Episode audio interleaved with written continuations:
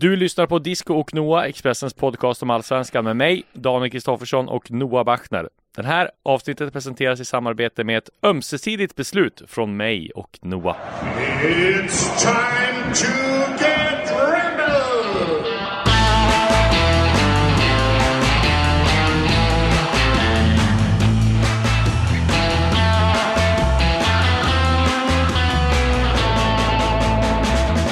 Ja, det finns ju ömsesidiga beslut och sen finns det ju ömsesidiga beslut, Så eller hur? det. Så är det.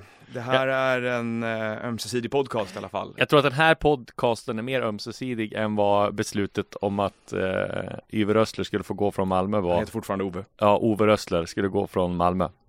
Det tror jag också. Däremot måste jag ge honom att eh, på presskonferensen när de väl eh, aviserade då att din nyhet om att eh, han skulle lämna MFF Mm. stämde så hade han en ganska genomtänkt strategi för hur det här skulle löpa efteråt. Därför att han var ju, det var också en trestegsraket typ. Att han började med att förklara att eh, han var väldigt stolt och glad över allt de hade gjort i MFF och alla de här då liksom lite luddiga diskussionerna de ska ha haft under Ja. hösten.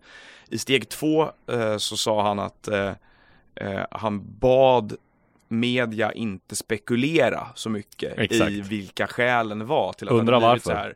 Och i del tre så sa han att han ville berömma media för att de hade gjort ett så himla bra jobb och varit ärliga mot honom. Och framförallt tackar han de lokala journalisterna för ett bra samarbete. Precis, vilket ju då paketeras till att eftersom jag tycker om er och vi har varit schyssta mot varandra så behöver ni kanske inte kolla så jättemycket mer på det här med varför jag går Så var det ungefär. Och, nej, men det är klart att man kan ju se på, så här är det, det här är såklart inte ett ömsesidigt beslut. Nej det är Eh, klart inte. Eh, Malmö har ju, vet ju att de kan inte gå in med i 2020 med en tränare eh, av Ove Rösslers kaliber eh, med tanke på att hans ledarstil är ganska omodern om man får uttrycka det milt. Ja det är eh, väl och vi har ju varit inne- du och jag har fått höra i Ja. alla fall. Jag var inne på det här tidigare att jag skrev ju det i en krönika också att det går liksom inte att ha en management by fear filosofi där man skäller ut spelare till höger och vänster och i vissa fall gå- har gått över gränsen. Eh, så att eh, jag tror, men samtidigt så tror jag också att eh, Rössler inte är direkt, eh, vad ska man säga, han är väl det är klart han hade velat fortsatt, men jag tror att med tanke på hur det blev och den här att han har den resultatraden han har, med tanke på hur, hur de, vad de kommunicerade på presskonferensen och att Rosenberg ska eh, sluta nu, det kan bli svårt att ersätta han, så tror jag att han kommer nog få ett eh, rätt hyfsat jobb ändå, men det kan nog dröja ett tag för att det CV som han lämnar efter i Malmö är ju ganska bra resultatmässigt i alla fall. Däremot så lyckas han ju inte med det som Allan Kuhn lyckades med och Magnus Persson lyckades med, det vill säga att vinna SM-guld och, och ta en titel. Så han är ju titellös faktiskt, men det är ju ett väldigt bra facit han har genom att ha tagit Malmö till Europa League två gånger. Ja, och Europas League-slutspel två gånger till och med. Men, eh, men det är ju väl så fortfarande att det där kommer ju, det där att han inte vann SM-guld är ju såklart det enda resultatmässiga som går att hålla emot honom egentligen. I övrigt så är ju resultaten väldigt, väldigt bra. Han har en extremt hög vinstprocent och han har många skalper mot bra lag i Europa. Eh, jag håller med dig om att tidpunkten är väldigt läglig för Malmö FF att byta tränare. Jag tycker att det Däremot är jag inte säker på att det fanns en så himla stor enighet bland de som fattar besluten om huruvida han skulle gå eller inte. Att jag tror inte att det var bara upp till Daniel Andersson det här riktigt, utan att det var en sammanlagd bedömning från flera olika krafter där i klubben Mm. som mer eller mindre kom överens då om att det var det här vägen de skulle gå. Det finns också kanske en, en poäng i att eh, det, det är ett lag som, som, som faller samman nu, eller som liksom upplöses nu när Rosenberg försvinner. Det är, ett- Ja. det är ett lag präglat av Marcus Rosenberg fortfarande. Och att när ett nytt lag ska skulpteras så kanske det finns en vits i att det är en ny tränare som gör det också. Exakt.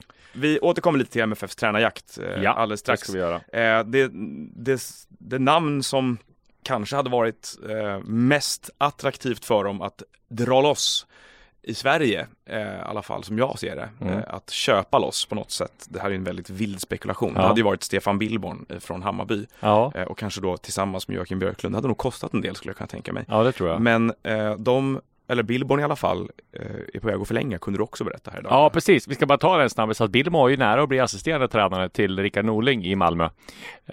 Men som Norling, eller om det var Billborn som sa det när jag pratade med honom om det. Det här var ju ganska många år sedan så sa de att nej, det räckte nog med en stockholmare i Malmö. Så att, eh, men så den kopplingen är ju ganska väntad att göra. Men däremot så tror jag inte Stefan Billborn hade liksom kunnat och Jocke Björklund hade lämnat Hammarby nu. Det hade ju blivit helt fel både för dem och för Absolut, Malmö. det är väl enda, det är ändå att MFF är den enda klubben i Sverige som har pengar nog att dra loss en tränare från en annan Ja, allsvensk klubb som faktiskt vill ha. Eh, men för Hammarbys del och för Billborns del så känns det ju eh, gjutet att han ska fortsätta där och eh, Ja, verkligen. Och det är ganska eh, skönt när man snackar med Bilbon också. Det var några som reagerade på det på Twitter här att det är liksom inga krusiduller när man ringer. Med vissa tränare kan man ringa och så ja, har man uppgifter på att ja, men ja, du ska gå till den här klubben och du ska förlänga eller du ska sluta. Då kan de säga inga kommentarer eller nej, men det där kan jag inte kommentera. Men Billborn säger ja, jo, jo, vi har haft två möten här och de på det andra mötet så eh, ritade Henrik Kindl upp eh, på en whiteboard kronor och ören liksom. och sen skulle de mejla ut ett kontraktsförslag. Och det känns jäkligt mycket Stefan Billborn och, och, och just som han sa också, han har en speciell stockholmska som han Ja, han, är, han, är Slänger väldigt, sig med. han kan också vara väldigt detaljrik sådär, Ja. exakt vad som har hänt. Du säger att han, vi, vi berättade att Kindle har ritat på en whiteboard. Ja. Det var nästan så att jag förvånad att han inte berättade vilken färg det var på whiteboardpennan för att det är sån Typ så detaljrikedom. När jag, när jag ringde honom senast också så vi pratade om, eh, skulle ställa några frågor om eh, att Zlatan hade klivit in i, i Hammarby då. Ja. Då var det liksom så här, jag fick reda på det, jag var på väg in i duschen. Ja. Så, ja, men det känns mycket mer. Men det är såklart eh, jätteviktigt för Hammarby att få liksom den kontinuiteten och eh, hans kontrakt gick, går väl ut för om ett, ett år tror jag, så de förlänger väl säkert med två, tre år till. Ja. Och det är ju alltså det som han och Jocke Björklund har byggt upp i Hammarby eh, finns det ju Ja, det är ju väldigt skickligt gjort och sen finns det ju väldigt mycket mer att bygga på. Jag tror inte de är klara än. De har ju själv sagt att de ska försöka implementera det här mer spelet där de kan spela det här offensiva som vi såg på slutet och samtidigt ha den här eh, defensiven eh, som de kanske inte hade i början av säsongen. Så att men som blev allt bättre va? ja, nej, och Hammarby gör ju såklart helt rätt att att förlänga. förlänga med honom. Det tycker jag också. Det händer saker i en annan Stockholmsklubb också. Det händer väl saker i eh, Djurgården också. Om jag inte missminner mig eller om jag inte har helt fel så är eller ska Kim och Tolle åka över och besöka Graham Potters Brighton här för att Jaha, titta på, spännande. eh, göra en sorts studiebesök. Ja, Eh, det berättade Kim Bergström för eh, någon månad sedan i alla fall och de sa att de skulle göra det i december. de har ju varit i Tottenham hela klubben eh, tidigare gjort ett studiebesök där och varit runt på Precis. anläggningen och kollat där. I Potters fall så finns ju även en lång historia. De, de slogs ju mot varandra i tabelltoppen av division 1 för 7-8 år sedan. Aha. Bergstrand och Lagerlöf och Potter och jag lärde väl känna varandra där och då tror jag. Mm. Så att jag tror att de eh, har en lång historia och de hade gjort upp med honom om att åka över dit. Vi, eh, det var ju dock inte Djurgården jag syftade till utan det var AIK. Där Okej. Jens T Andersson Precis. har eh, tackat för sig som klubbdirektör. Och det blev ingen långvarig sejour för honom den här Nej. gången. Eh, han efterträdde Mikael efter Mm. ett långt vakuum där AIK utannonserade att man skulle ersätta Alerup med en klubbdirektörsroll istället för en vd-roll. Mm. Och det tog oerhört lång tid att hitta en person för den rollen. Eh, och Alerup, Alerups sorti från AIK var ju omgärdad av ganska mycket bökigheter också. Det fanns krafter som ville ha bort honom, det fanns krafter som gärna ville ha kvar honom. Mm. Det fanns en hel del eh, schismer i bakgrunden av olika karaktär. Eh, rådde väl rätt mycket oklarhet kring det. Men det säger väl en del också om det här hur jo- svårt jobbet är som VD och klubbdirektör i AIK. Senast det funkade bra eh, med en klubbdirektör i AIK var ju när Stefan Hatten Söderberg var där, men han fick ju också lämna under liksom uppmärksammade former. Det är som det blir alltid om du sitter på den stolen, VD-stolen eller klubbdirektörsstolen i AIK. Det är ju en katapultstol som Jens T Andersson var inne på när han tog det här jobbet. Och det känns som du kommer alltid att liksom fasas ut på grund av någon politik eller på grund av någon maktkamp eller något sånt blir det för att du har en så framträdande roll i en klubb som AIK där det är väldigt många som ska ha åsikter och väldigt många som vill ha ditt jobb så att eh, det är klart att eh, men att Jens T Andersson skulle lämna så här tidigt det trodde man ju inte. Nej, problemet, problemet med den rollen är att det är den mest politiska rollen i AIK. Precis. Att eh, Mm. du måste ta ställning i frågor som kan splittra en, Supportrar, en supporterbas, grupperingar. en supporterbas som också Ja. drar åt olika håll i olika Exakt. frågor. Och där kändes som ett typexempel på det att eh, han, precis som andra, har tvingats vara den som, som klär skott för beslut eller uttalanden eller ställningstaganden eller Ja. ståndpunkter eller reaktioner på saker och ting som en Björn Westrum inte behöver göra Nej. eller som personer med andra, i andra ledande ställning där inte behöver göra.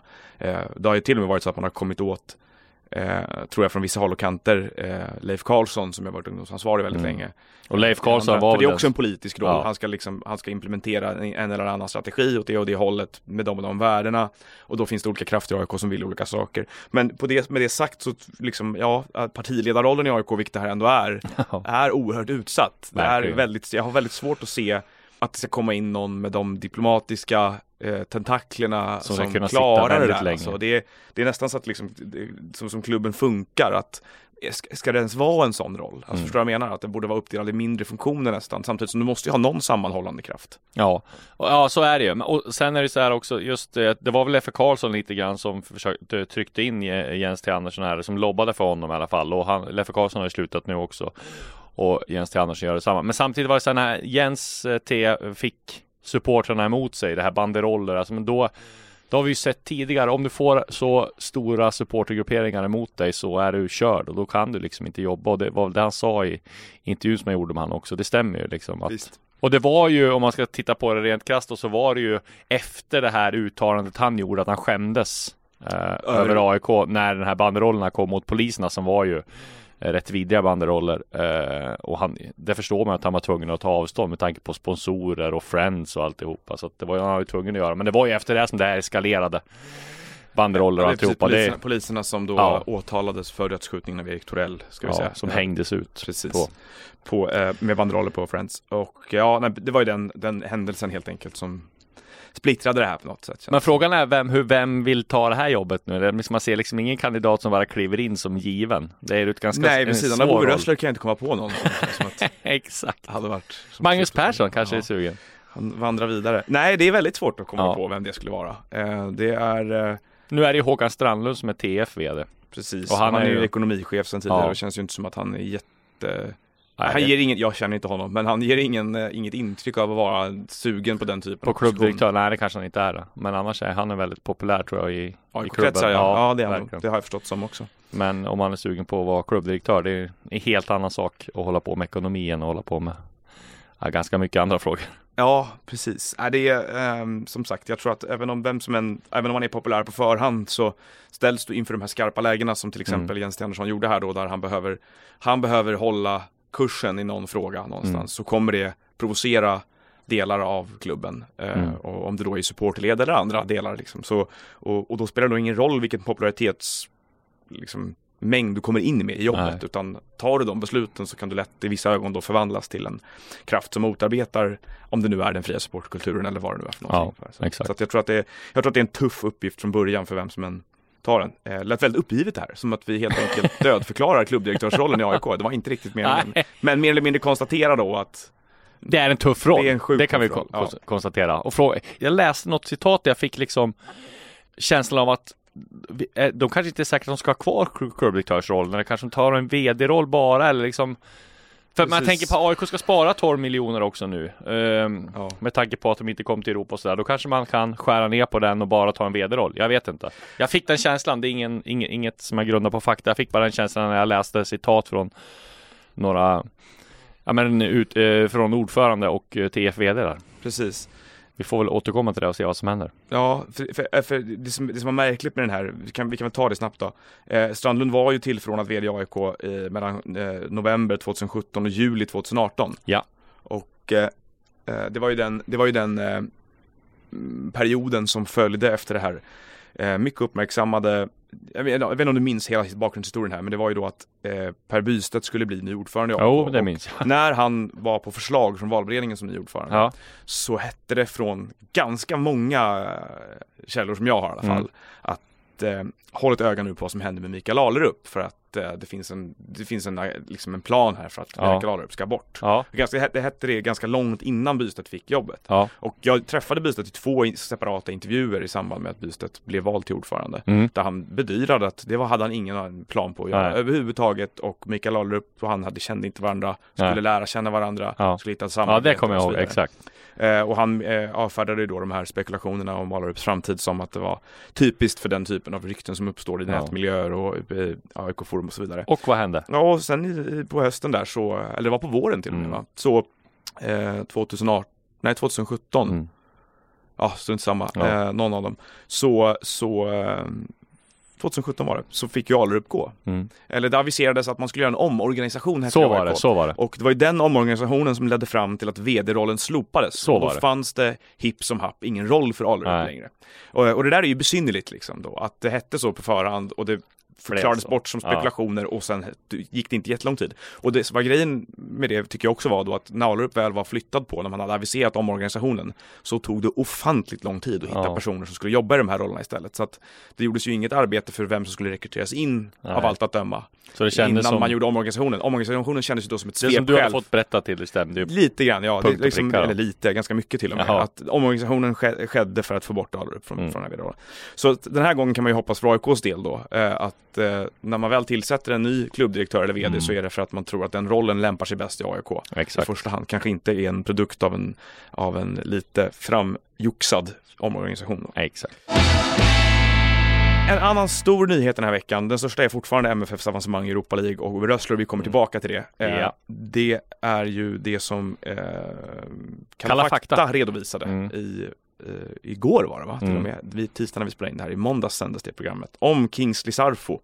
Och programmet heter Guldkalven. Ja. Och ja, har du sett det? Ja, jag har sett det. Men, Nej, det var mycket bra jobb av Andreas Sundberg får man säga, men alltså vad som kommer fram, det, ja herregud, man mår ju nästan dåligt när man hör dels eh, eh, ja, men hans eh, agent eh, Niklas Strand, ja, till- Niklas. Strand som menar på, lägger skulden på eh, eller brottsoffret. eh, de- menar på att de har haft mycket kul och så jäkla synd är inte om henne. Det är ju, ah, usch, det är ju vidrigt att höra. Det De snackar så. Nej men det är just sen att han har varit så utstuderad och liksom jagat minderåriga. Eh, Alltså, nej, det var man mådde dåligt av att se det och dåligt att det var så lite förståelse från från, då, från ja, men Strand och Sarfo. Så att, nej, ja, men, ofattbart är väl. Ja, och jag, jag har inte sett programmet själv. Nej. Men eh, jag läste då sammanfattningen av det som hade sänts Ja. eh, i mångt och mycket. Och eh, det, som, det mest slående citatet av alla var väl kanske att eh, att eh, de beklagar sig över att det är tufft att hitta en ny klubb till honom. Ja, exakt. Domen. ja, precis. Eh, och, och det var liksom en affärsmässig kall syn på hela förfarandet Ja. sätt som kändes ganska dyster.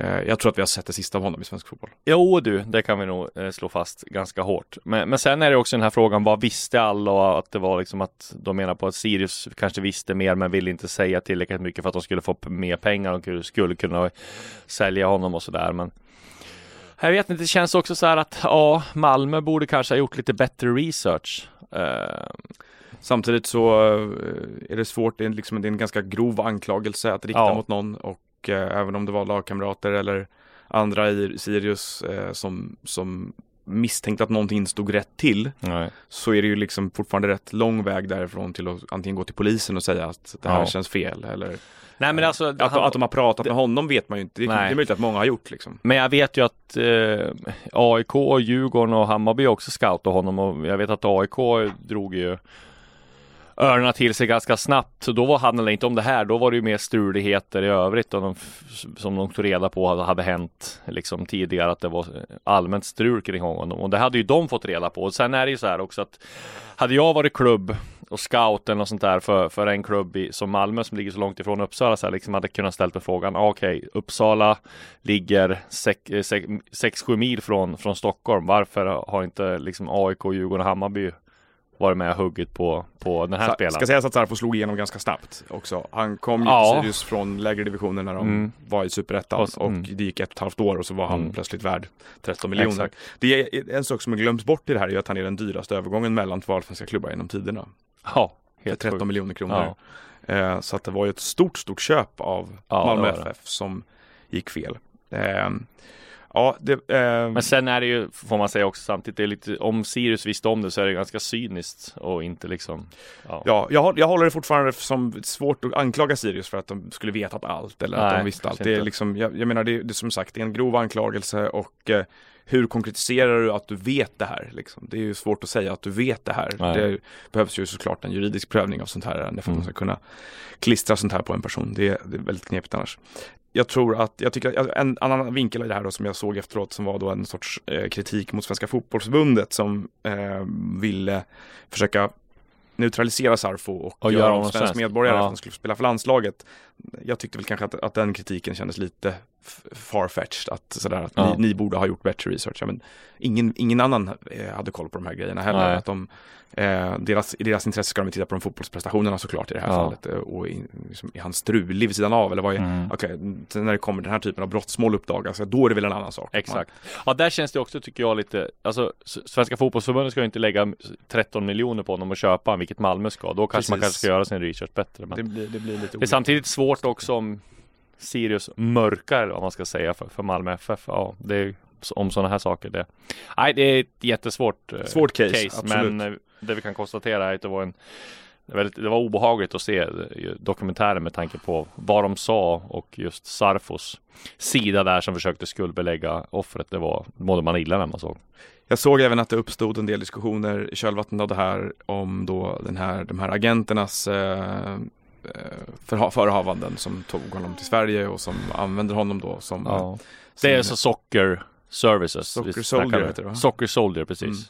Och det var en del personer som efterfrågade mer granskningar av hur afrikanska spelare framförallt då hämtas till Sverige och så vidare. Jag gjorde Mm. dubbla sådana i förra vintern. Ja. Kan passa på att puffa för det en gång till här då. Exakt. Eh, finns två delar eh, på, eh, som ligger på Expressen. Eh, och jag tror den ena heter De drömmer om Champions League men hamnar här och den andra handlar om Lomala Abdo som var i, i Värnamo, och Kalmar och Mjällby. Eh, men, eh, och som egentligen sätter fingret lite grann på de här, den här industrin som man får kalla det. Ja. Vi tar oss vidare till MFF. Ja, för att eh, det var ju positiva nyheter kring MFF också. Eh, seger mot FCK tycker jag imponerade väldigt. Jag tycker att Rasmus Bengtsson är strålande som vanligt och det är lite märkligt hur man kan få den här stämpeln just som vi har pratat om tidigare, att han inte har fått chansen i landslaget. Han fortsätter att dominera som hela Malmö gjorde och vann mot FCK igen och tog sig vidare till eh, Europa League. Ruskigt starkt gjort. Ja, det var ju eh, en sån här insats som känns som att mm, just att de går head to head med laget som så tydligt är kontrasten Ja. i kampen om vem som är Skandinaviens största klubb. Och jag tycker inte att det gick att undgå känslan av att eh, om det nu, hur ska man bedöma det här maktskiftet på något sätt? Det är klart att FCK har oändligt mycket större resurser fortfarande Ja. och en lång historia av att lyckas ute i Europa och sådär. Men det fanns någonting eh, symboliskt i att MFF kuskar över sundet och ta, bärga de där tre poängen i ett så avgörande läge. Ja. Det hade ju räckt med att Dynamo Kiev slog Lugano så hade FCK varit ute. Och Det det så att de var inte så att de kunde spela av göra. matchen utan allt stod på spel. Ja, Och i det skarpa läget då så var det MFF som vägde tyngst. ja. ja. Det tycker jag är coolt, verkligen. Eh, och såklart också, det går ju inte att undgå att Marcus Rosenberg får, får en sagolik avslutning på Ja. sin fotbollskarriär med en väldigt framgångsrik höst för eh, Det märktes att han, det märks att han kommer sakna fotbollen. Vissa så här som Andreas Isaksson och Kim Källström och så här, man tänk, de, och Jonas Olsson. Ja, de nästan pustar Som ut. liksom, bara, åh, nu är det klart, nu ska vi göra något annat. Men Marcus Rosberg känner att det här gör ont att sluta spela fotboll för honom. Ja, och det har väl, han var ju så förbannat bra på slutet Ja. också. Att, Och snacka om att sluta på topp. Ja, ja verkligen. Hans, Fler borde eh, göra. Han Sluta hade ju varit en av allsvenskans bästa anfallare nästa år också. Ja, han skulle ju spela landslag, han kunde spela landslag de senaste 5-6 åren. Ja. Ja visst, nej det är en, ehm, eh, en fin svensk fotbollshistoria. eh, Får Verkligen. man säga, Marcus Rosenberg i MFF. Och vi pratade väldigt mycket om det här om avsnittet. Att Ja. man avundas den, ens, ens supporterhjärta avundas eh, att uppleva honom som spelare. Mm. Det, eh, det som hände kvällen innan den här matchen, då, ska vi gå till det, Ja. eh, så var det ju att, eh, vi ska ta det här i korthet då, därför eh, det var fortfarande inte så jättestora reaktioner, men det var så några små reaktioner som både du och jag eh, hade, eh, la märke till och eh, eh, ville ta upp här kort. Nej men det var ju så att eh, vi, hade, vi hade julfest med Expressens sportredaktion på onsdag kväll. Jaha. Ja, vi hade vi i alla fall ute och åt mat och eh, Välkommen till Coolbet där spänningen aldrig tar slut och underhållningen står i centrum. Här får du inte bara Sveriges bästa fotbollsodds, du får också en spelupplevelse som är rättvis, transparent och framförallt rolig. För oss handlar det om mer än bara spel. Det handlar om att ta en paus, att våga chansa och att kanske vinna stort. Det oväntade gör varje ögonblick unikt. För dig över 18 år, stödlinjen.se. Uh, eh, när jag vände mig om så plötsligt så var, så var du borta. Ja. Eh, och så var du borta i 30 minuter. ja, lite mer var det nog. Ja, ännu mer kanske. Och eh, jag trodde att du som vanligt hade blivit för full och tvungen att gå hem fast vi knappt hade börjat. Ja. Eh, men eh, sen så kom du gående i horisonten på restaurangen där vi var då, Mm. genom en dörr och samtidigt så plingade det till i telefonen. Eh, och då hade du sagt, jag tror du sa när du kom fram till bordet, så här, du har en bra grej här. Ja, och så eh, tittade alla ner på sina telefoner och så var det då att Uwe Rössler skulle lämna ja. eh, Malmö FF. Ehm, så att det var, liksom en, det, var, det var ett stressigt ögonblick där, där, där du kände att det var skrivbart verkade det som. Ja, det var det absolut. Och det var ju, men det, det, ja, det var ju äh, just att få det bekräftat och sådär. Och Mm. det var ju lite, vi hade, jag hade ju knappt kommit dit, så jag hade inte börjat, jag hade inte fått någonting att dricka, jag fick ju ingen pizza, allt liksom, Allt sket sig allt sket sig på disken. Nej, men eh, det var att eh, när man får en sån där grej så måste man ju vara 100% säker och det var, tog ju ett tag innan jag fick loss att det var innan att det var 100, men det var det ju. Eh, och eh, det blev ju bra. Eh, och sen fick jag ju några märkliga reaktioner där om att Ja, det var det jag skulle komma till. Ja. Alltså, för, för, för den som ser då hur det här nyhetsarbetet fungerar Ja. eh, från första parkett ja, eh, så vet jag ju att liksom, det går från 0 till 100 ganska fort Ja. när en sån här grej blir klar och att du, alltså det är en sak att det snackas mycket. ja. Eh, och sådär, alltså om, om det ena eller andra. Det snackas om allt hela tiden. Ja. Alltså jag tror inte folk förstår mängden av Nej, dålig mycket. information som flödar liksom. Men, eh, och att du då eh, trycker ut den här nyheten som är en av de största fotbollsnyheterna den här vintern, att Mm. den överlägset mäktigaste klubben i Sverige, eh, går att argumentera för även Skandinavien, Mm. gör sig av med sin tränare som ändå har precis tagit laget, ska på väg att ta laget in i Europa League-slutspel. När, du, när, du, när den kommer då så är den omedelbara reaktionen från en, en, en liten skara får vi säga, Ja, eh, Malmö FF-supportrar att det här var dålig känsla från din sida. Ja, att du, att- gjorde, du saboterade för Malmö FF genom att berätta det kvällen Ja, innan helt matchen mot liksom. FCK. Eh, och det är ju en ganska genant missuppfattning Ja, om hur det här yrket det funkar. är svårt att ta det på allvar, men om man ska förklara så det är inte så man jobbar som nyhetsreporter. Då vill man ju vara liksom först med nyheterna och det hade jag inte varit om man hade väntat till efter matchen, för då hade det de, det blev ju officiellt liksom 11 dagen efter. Ja. Så det är klart att eh, då, jag kan liksom inte, ah, okej jag ska göra att fem personer nöjda genom att hålla, så funkar det liksom inte. Som nyhetsreporter och i just det här nyhetsflödet också med allmän information, så när man har fått en sak så kan man inte hålla på det. Nej. Man kunde hålla på det för 7-8 år sedan för då fanns det inte här, då var inte flödet lika, lika snabbt. snabbt. Så att fick man en nyhet då, klockan två på dagen, då visste man, nu ska jag, nu är jag nog själv med det här i tidningen imorgon. Så då kunde man liksom hålla på det nästan 24 timmar eller i alla fall 18 timmar och sådär. Men nu kan man knappt hålla det 18 sekunder när man får en grej för att alla jagar på samma, det finns så mycket sajter. Alltså bara kolla på liksom konkurrensen, liksom det är fotbollsnyheter, har Fotbollskanalen, Fotboll Direkt, eh, Fotboll Stockholm, men det finns säkert massa andra sajter, det finns eh, en del eh, Twitterkonton, det finns liksom allt så att eh, det har ingenting att göra med liksom att jag ville jä- och varför skulle jag vilja, vilja liksom, liksom jävlas med Malmö? Det är väl jättebra för svensk fotboll att de går vidare. Ja, jag- och liksom jag- FCK som är liksom Det, det, jag, det jag tyckte var konstigt var, var jag, tror inte, alltså jag upplevde inte som att så många av de här kommentarerna ehm, handlade om att du försökte sabotera för MFF. Det var att du inte hade gjort, eh, att, att du hade varit okänslig och inte tänka på konsekvenserna för MFF. Eh, och det, där är det liksom någon sorts miss- missuppfattning som jag upplever att man, eh, att man tror att det här jobbet går ut på att hjälpa klubbarna eller liksom ta hänsyn Nej, till sånt. precis. Utan det är ju, man kan ju lätt dra upp då ett resonemang om konsekvensneutralitet för oss. Ja. Att det, det liksom ingår inte i yrkets natur på det sättet. Nej. Men eh, jag undrar också om det ligger någonting i det här i, ett nytt medielandskap där aktörerna som är mer eh, contentdrivna eller med Ja. mer supportmedia och så vidare. Att, man, Ja. att det finns en, en vana vid att eh, innehållet och liksom den journalistiska agendan är lite Annorlunda, att, att heja stö- på oss, stöttande liksom. lite Ja. mer liksom på det sättet och att då att en objektiv neutral nyhetsförmedlare ja. eh, ska ingå i samma diskurs på något Men sen tror jag liksom inte, jag tror att det är väldigt många supportrar som gör väldigt stor grej av om man avslöjar startelver, om man avslöjar nyheter innan någon match. Eller liksom, jag har ju avslöjat eh, att tränaren ska få sparken innan derbyt. Jag skrev om att Norling var, eh, hade liksom exakta kontraktslängden på Rickard Norling två dagar innan derbyt för AIK. Liksom. Det, så är det ju. Mm. Men jag tror att man gör en stor grej. Jag tror inte spelarna påverkas så mycket av det. De är vana. Alltså Marcus Rosenberg är van att det skrivs, att spekuleras. de, Yver de, Rössler är van att det de skrivs. tror inte jag bryr sig Ingen bryr sig överhuvudtaget. Nej. Nej. men det är det jag menar. Då menar jag på supportrarna menar att man stör och det, det gör man ju såklart inte tror jag. Men, det finns eh, väl nyheter som kan störa Ja, såklart. så är det ju. Men, men, men det är fortfarande, inte det här tror jag. för fortfarande så är det ju då eh, grund och botten inte ditt jobb att ta hänsyn till om det Nej, stör. Det är ju precis. liksom inte, det ingår inte i arbetsbeskrivningen. Liksom. Så är det. Eh, så det om detta. Ja, Eh, Nu ska vi försöka ta reda på vem som blir ersättare. Ja, Eh, vi precis. får se om vi har och då några kan namn vänta till kvällen innan premiären då och säga vem det blir. Ja. blir Exakt. eh, nej men, eh, Nej men det blir ju spännande och men framförallt tror jag Malmö Jag tror att de det kommer vara jobbigt, en jobbig tränarjakt för att hitta rätt och sådär. Men jag tror att det finns väldigt många bra kandidater. Det är ett attraktiv, mycket attraktivt tränarjobb. Du har en, en 16-delsfinal i Europa League i februari. Du har ett av, en av allsvenskans absolut bästa trupper även utan, utan eh, Marcus Rosenberg.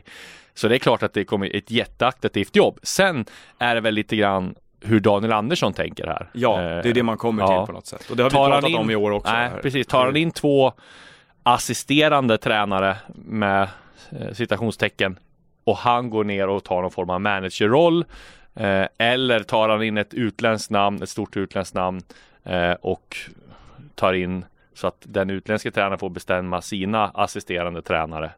Eh, det är väl det som är den stora frågan. Ja, det är ju... eh, Det känns lite, är det inte dags för Daniel Andersson att göra det här nu fullt ut och bli manager? Om det är det bli... han vill så tycker Ja. jag att det här är ett utmärkt tillfälle att göra det. Ja, verkligen. Samtidigt så kan det också vara, han vet ju att det är en mycket mer eh, skör ja, ja, tränarrollen Ja, och Det kan tränarrollen. vara slutet för honom i MFF i alla fall, absolut. om just han gör det. För att eh, om, det inte lyck- om det inte lyfter så, så måste någon annan göra det istället. En sportchefs livslängd är ju mycket, mycket längre än en tränares. Visst. Ehm, jag vill ju gärna se den här gången ett långsiktigare tränarval för MFF. Mm. Jag hade trott, tror att de skulle må bra av det. Eh, att eh, de här tre senaste har ju stannat ganska kort tid, alltså Ja. allihopa. Och att sen har det så är det ju ingen som känns som att de eh, får speciellt stort mandat i Nej. olika frågor. Eller liksom, de är mer inne för att göra en arbetsbeskrivning som han har satt ganska mallat Ja. ganska hårt åt dem. Och att eh, den här gången så, ja, varför all del, kör själv. Eh, men om inte så kanske han måste Men vad- släppa på Men vad vill du se då? Det, det finns ju liksom jättemånga vägar att gå. Vi har fått Mm. prata om en väg. Daniel Andersson kan ta managerroll, ta in ett etablerat namn som Kåre Ingebrigtsen eller ehm, och, ja, men tillbaka med Åge Hareide eller något sånt där. Eller att man har man, gö- ha- har man råd eller kan man göra har man mandat tror hos supportrarna att ta in någon lite yngre tränare, säg Andreas Brännström. Eh, liksom, han är väl en av de som är, om man ska ta någon som är mer mest up and coming så är det väl Brännström eh, som tränar Jönköping Södra. Han är väl kanske lite äldre än vad Norling och de var när de slog igenom på allvar. Men ta honom, få göra honom till liksom eh, huvudtränare och tro på honom. Men Jag tror att de har, jag tror att de har mandat att göra det, men då ska det nog vara någon som kommer från ännu mer imponerande resultat kanske. så kan det, här vara. Ja. det finns ju Och de det finns som, nog inte det finns ju de som liksom bryter hierarkier med, med väldigt progressiv fotboll. Ja. Eh, men då kanske man ska ha ännu mer på fötterna nästan. Mm. Att, då, att, att, att hade han gått upp och vunnit superettan med Ja. i södra år liksom, så hade det varit, kanske Så varit kanske. aktuellt. Jag vet inte, men Nej. för att jag tror att, jag tror att MFF är en sån klubb där, där den där skepsis mot den typen, det är bara att kolla på hur man reagerade i vissa läger av IFK Göteborg när Poja fick jobbet där till Mm. exempel. Så var det ju också som att, jo men vad har han gjort? Mm. Eh, det är ju å andra sidan, liksom, som sagt, man ska inte glömma bort att MFF har pengar här. Och att är det någon klubb Nej. som kan, nu skriver i och för sig Ferran Bila på ett nytt kontrakt och sådär, men eh, är det någon klubb som skulle ha råd att dra loss de två, Poja och Ferran Bila, så är det ju MFF. Precis, liksom. men, och nackdelen med när man tar in ett etablerat namn, det är också att de ser Malmö som, ja men jag är här två år, sen ska jag ta nästa steg. Alltså, Ja, om du kommer tar utifrån. tillbaka Åge Hareide till exempel, så kanske ser att han avslutar sin karriär i, i. Malmö. Nej men jag, jag skulle vilja se MFF mer Eh, liksom, vad ska man kalla eh, vad ska man kalla det för, men exponentiella på något sätt, att de, att de, att de tar dit spelare och tränare som växer, Mm. snarare än att de tar dit färdiga spelare och tränare på det sättet. Att, eh, i den stunden som, vi kan ju komma till det då, för att vi hade ju en, eh, de- den stunden som de hade möjlighet att ta Graham Potter i till exempel, Exakt. och de har haft det vid flera tillfällen. Hade man haft möjlighet att ha Potter tror jag tre gånger. Eh, Berätta så- hela som jag. Nej men som jag hörde så eh, Graham Potter var ju en jättehet tränare, han gick från superettan, Malmö hade chansen att ta honom då, men då var de osäkra på honom, diskuterade, tog en annan tränare. Sen hade de, eh, den senaste chansen ha, var bara för eh, när de tog Yver Rössle här senast. Ett, ett, och ett halvt år Ett och ett halvt år sedan, då hade de ett möte med Potter och eh, Han heter fortfarande Ove Rössler. Ja, Ove en- Eh, och ehm, då var, som jag har fattat det Potter intresserad av att ta Malmö. Men de var inte så här jättepå, utan de tvekade lite grann. De hade andra kandidater. MFF var inte jättepå. Nej, precis. MFF var inte jättepå. Och då kom Swansea eh, för Potter. Och då tog han ju det såklart istället då. Därför att, att det, finns ju, det finns ju olika vägar att gå. Det är klart att den här truppen och klubben måste bestå av eh, internationellt eh, gångbar erfarenhet och liksom tyngd på något sätt. Att den, den måste utgöra en sorts kärna som är en sorts kvalitetsgarant. Mm. Men MFFs bästa lag var ju fortfarande ett lag som innehöll spelare som var på väg upp och ut. I Emil Forsberg och Filip Helander och Pontus Jansson och alla de som har exporterats ut från Ja, MFF i Europa. Ja men precis, de senaste, de senaste åren. Svanberg, alla de här Ja. spelarna som har, som, har, som har varit i MFF och sen använt det som vuxit, vuxit ur MFF på något Mm. sätt. Så att de blir lite för bra för att vara i Sverige och MFF. Och jag tycker man kan resonera så på tränarfronten också mer. Att ta en, en tränare som är på väg fram och så har gjort bra jobb med mindre resurser. Mm. Och så, varsågod, här har du nycklarna till svensk fotbolls fetaste kassavalv. Eh, här kan du pröva dina förmågor med ännu större resurser och Mm. eh, förvärva ännu större individuell skicklighet och se vad du får ut av ditt spel då.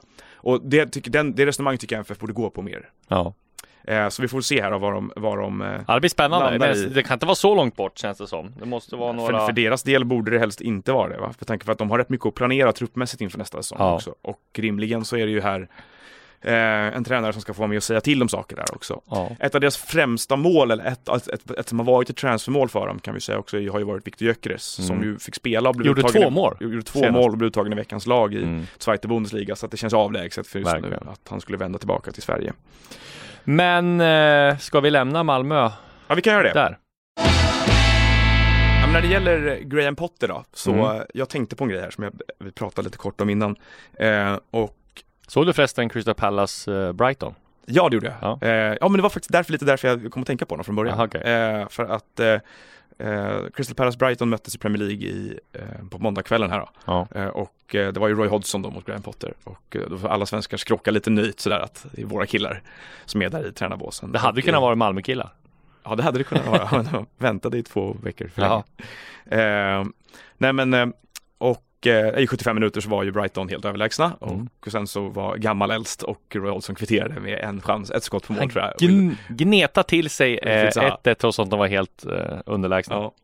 Eh, nej men, eh, och då, det finns ju en, eh, jag hörde ett resonemang om en helt annan grej från början som fick mig att börja tänka på svensk fotboll och det här att eh, i Potter och, och Roy Hodgson då så har vi ju kanske de två liksom mest betydande tränarinfluenserna på, i svensk fotboll på, Ja, det får man vad säga vet ändå. jag, 35-40 år liksom Ja. i modern fotbollshistoria Tillsammans Sverige. med de här unga generationerna med Stare, Norling och Jo, de gjorde ju saker, men det här var liksom ännu mer. Ja, det att, känns ju eh, Med, med Robson och. Bob Houghtons liksom pressunderstöd och det här Ja. och sen kom Potter då och fick alla att vilja spela trebackslinje och ha högt bollinnehav egentligen. Mm. Så att, ehm, det, ja, det, är lite, det var lite, det var lite så här, var, i alla fall, det var tanke som slog mig. Och då, Eh, back, för att backa bandet lite då, så hörde jag en diskussion i en annan podd eh, som Vilken? Den, eh, den heter Stormens utveckling. Är Okej. Ola Söderholm, han brukar ha Jonathan Unge som gäst i ungefär varje avsnitt. Kung Eh, Unge. Eh, och eh, den är ofta rätt rolig. De spanar vitt och brett. Men det är Mm. liksom en kultur, politik, kulturdiskussion ganska mycket. Mm.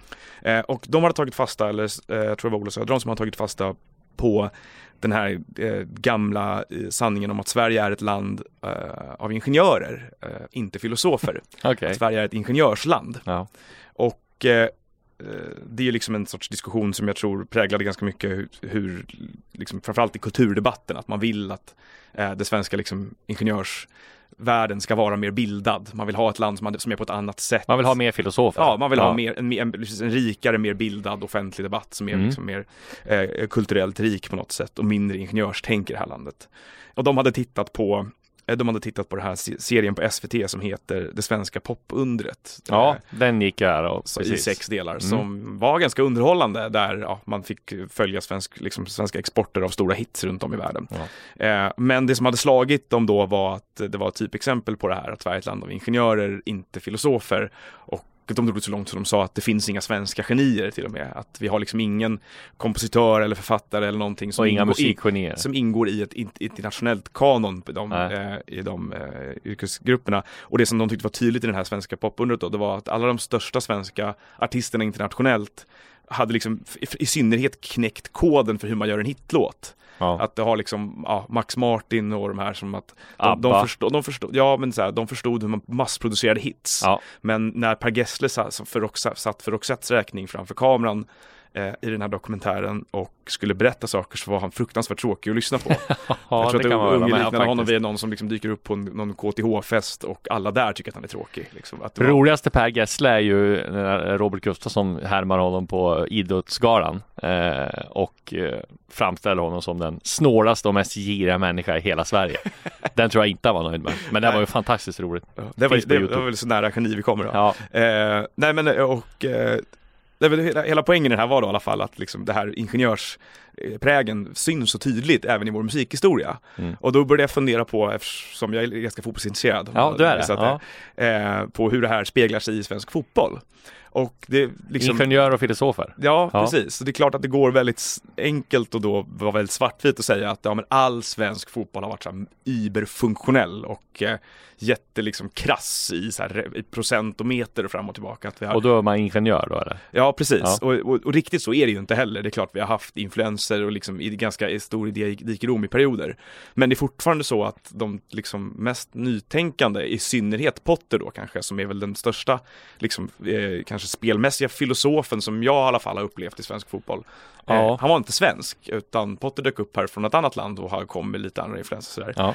Ehm, och så kan man titta på svensk fotbollshistoria i, eh, i ett bredare perspektiv och liksom, okej, men vin, vilken fotbollskraft har gått mest tvärs emot då den här normen för hur fotboll spelas i Sverige, hur man ska Ja. tänka på fotboll i Sverige de senaste åren. Vem har haft mest att säga om det? Ja. Och det har ju naturligtvis varit Zlatan Ibrahimovic som men eh, se så sent som när jag träffade honom i oktober satt och pratade om att eh, han hela tiden, han fick inte göra tittfinter när han var yngre utan man skulle bara Ah, okej. jaga andra bollar och liksom att man, varför jagar man andra bollar? Ja, därför att eh, fotboll spelas enklast med en lång boll upp, Ja, en okej. duell och sen ta Mm. andra bollen och det är en väldigt krass ofilosofisk syn på fotboll. Mm. Att liksom, du funderar inte på syften så mycket utan det är mer otroligt Mer resultatjagande. ingenjörsmässigt. Ja, mer en ingenjörsfotboll liksom.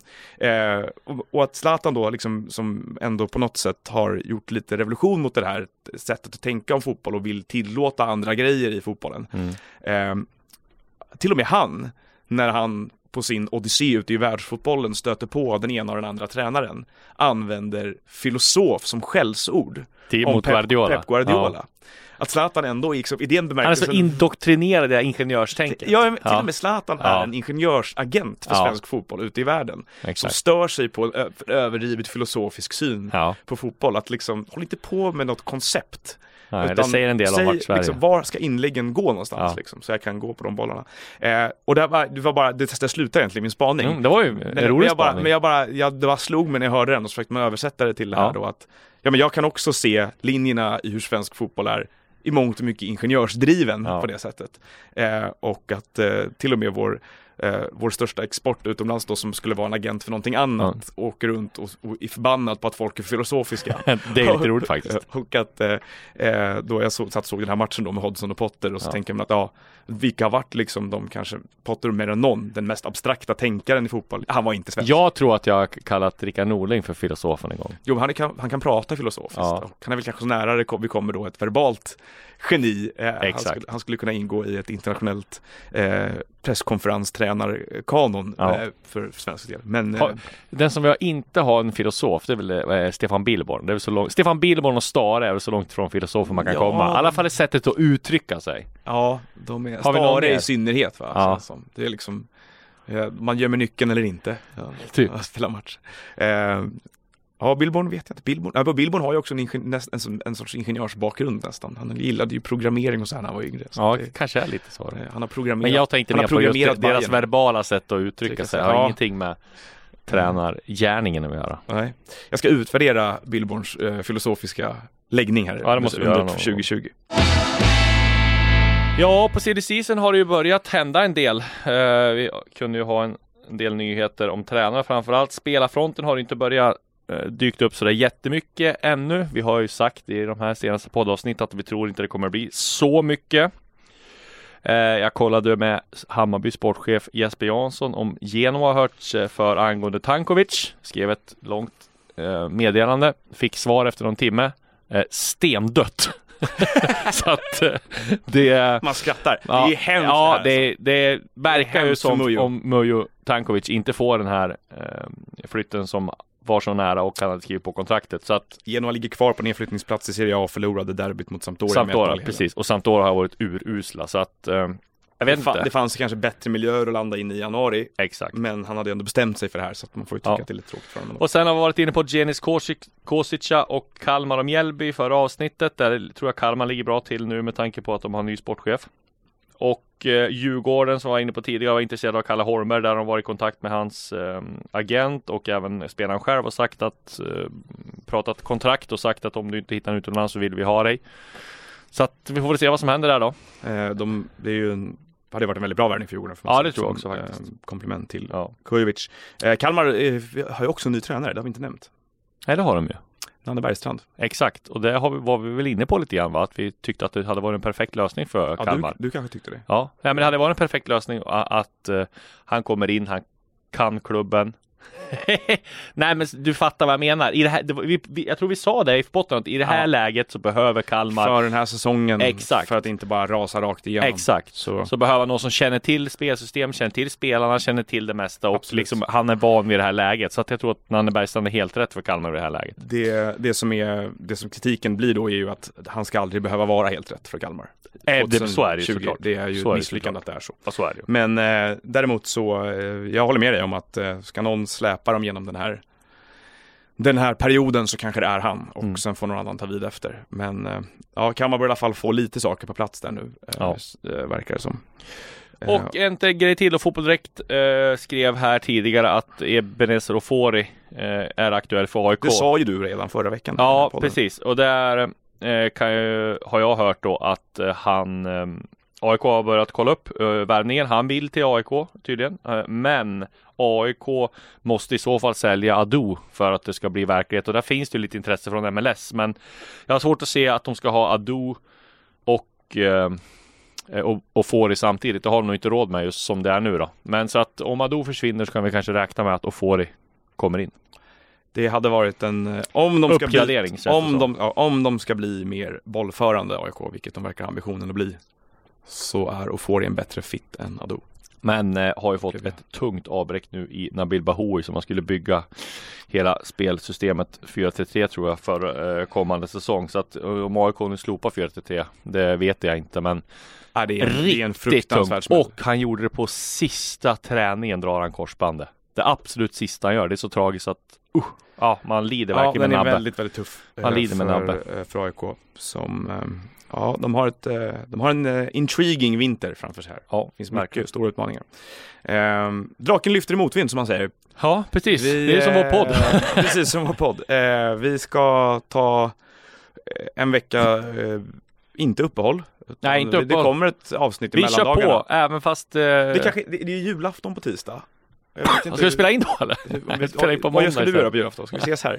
Ja, exakt.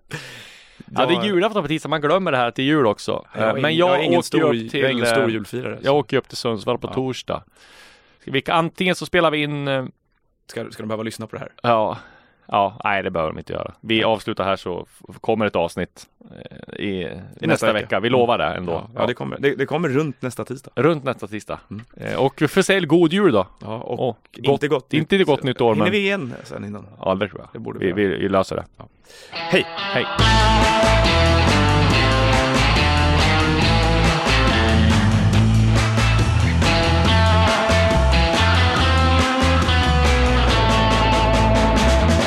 Du har lyssnat på en podcast från Expressen.